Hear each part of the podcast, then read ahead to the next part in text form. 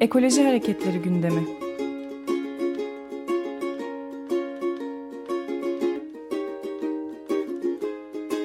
Çevre ve Ekoloji Hareketi avukatları tarafından hazırlanıyor.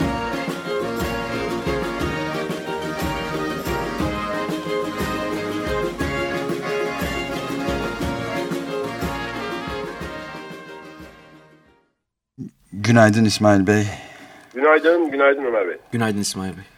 Evet, Günaydın. bugün küresel ısınma ve Çukurova vaziyetleri. Evet. Evet, evet, evet Ömer Bey. Şimdi e, bugün e, Adana'da bir e, gazetenin yerel bölgesel ekinde bir haber yayınlandı. Şimdi e, Çukurova Üniversitesi'nden e, doçent doktor Tuncay Kuleli'nin NASA ve uydu verilerini inceleyerek yaptığı bir araştırma sonucunda İskenderun Körfezi'nde deniz suyu sıcaklığının tam 3 derece arttığını tespit edilmiş. Yani Ortalama öyle mi? Evet yani bu hani bu çok derece. önemli bir rakam. Ee, yarım sant yani 0.5 santigrat derece arttığı takdirde bile deniz suyu sıcaklığı 0.5 santigrat derece arttığı takdirde bile yani bölgeye bağlı bu ekosisteme bağlı deniz canlısı türleri bölgeden göç ediyorlar. Zaten haberin devamında da e, özellikle bu bölgeye bağlı ekonomik değeri olan canlı türlerinin soğuk denizlere kaçtığını ve tropikal bölge balıklarının gelmeye başladığını, ekonomik değerinin hiç olmayan tropikal bölge balıklarının gelmeye başladığını yazıyor. Yani bu tabii hani çevreyle, çevre hukukuyla uğraşan hukukçuların, çevreyle uğraşan aktivistlerin, eylemcilerin yıllardır bildiği bir şey. Kamuoyuyla paylaşılmış.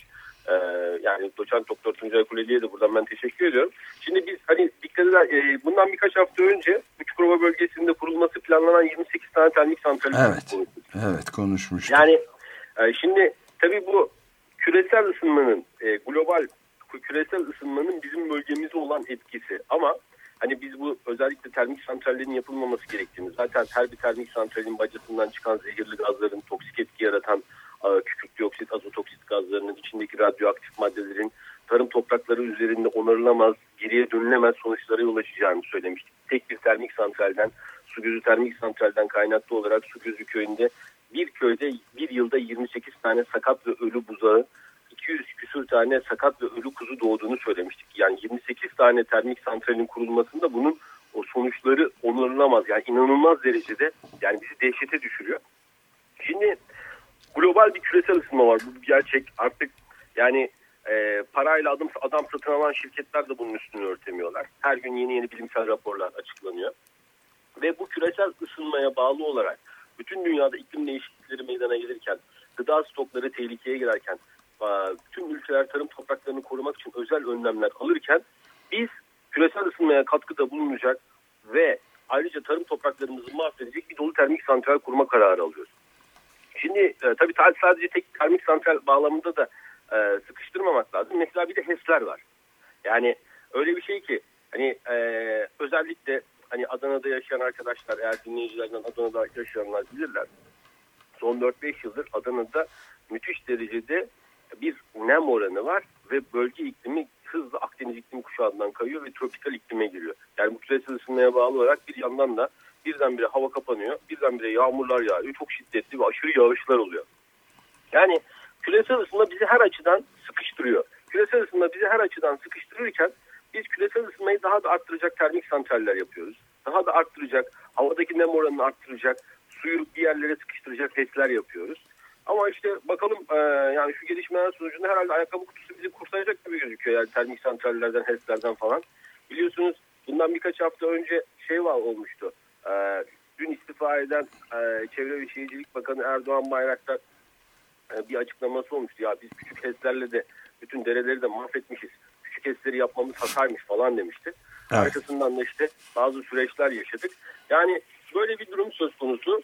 Ee, şu anda yani dünya iyi bir ta- noktaya doğru gitmiyor. Yani dünya iyi bir noktaya gitmezken küresel ısınma, küresel ısınmaya bağlı iklim değişiklikleri vesaire yani bunların hepsini bir arada değerlendirdiğimizde dünya iyi bir noktaya gitmiyor. Biz yaptığımız şeylerle, yaptıklarımız ve yapmadıklarımızla dünyanın gittiği kötü noktadan kendimizi daha da kötü bir noktaya taşıyacak e, altyapıyı hazırlıyoruz şu anda. HES'ler, termik santraller, çimento fabrikaları, petrol rafinerileri, altın madenleri, diğer bütün madencilik faaliyetleri vesaire vesaire.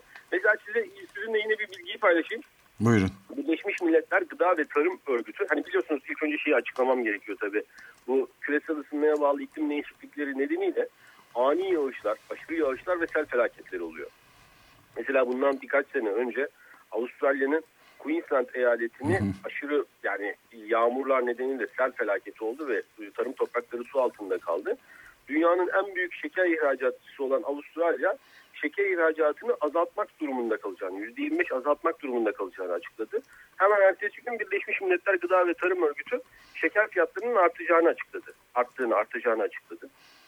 Şimdi yine Birleşmiş Milletler Gıda ve Tarım Örgütü'nün verilerine göre bir önceki yıl yani dünyada hiç tarımsal üretim olmasa şu an dünyadaki bütün çiftçiler dursa dünyayı 100 küsür gün besleyecek gıda stoku varken geçtiğimiz yıl dünyayı besleyecek gıda stoku 70 küsur güne düşmüş durumda. Yani 78 gün yanlış hatırlamıyorsam 78 güne düşmüş durumda.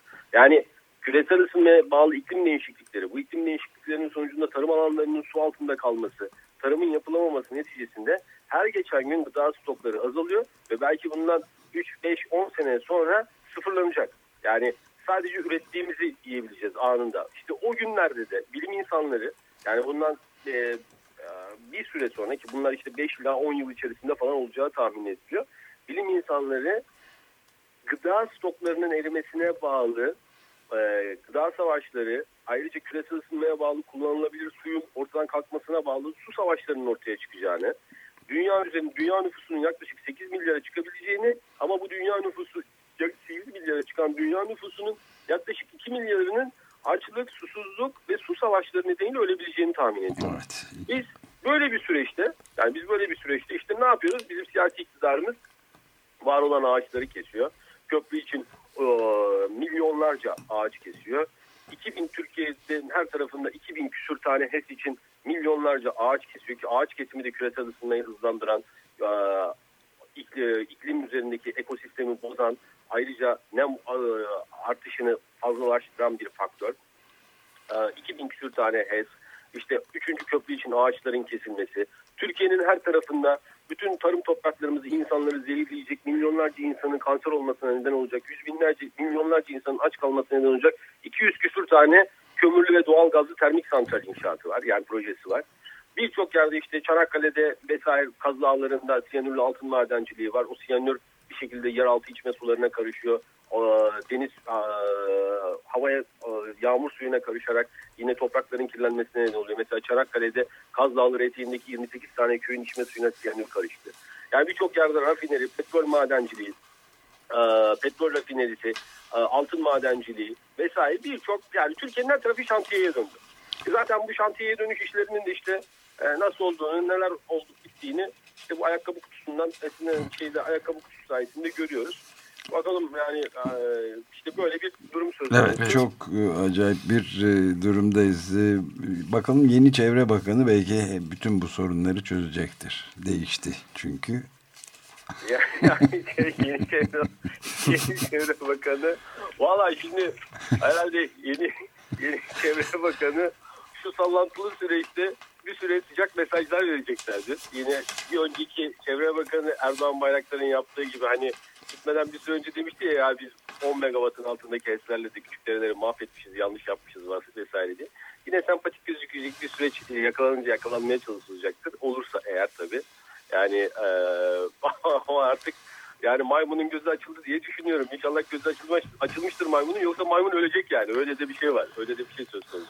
Hayırlısı. Yani, evet. evet. Peki çok teşekkürler İsmail Bey. Görüşmek, üzere. üzere.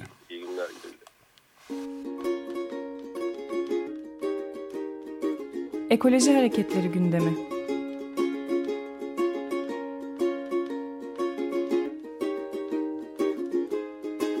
Çevre ve Ekoloji Hareketi avukatları tarafından hazırlanıyor.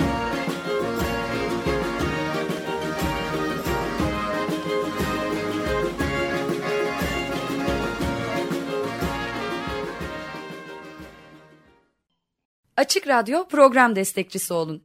Bir veya daha fazla programa destek olmak için 212 alan koduyla 343 41 41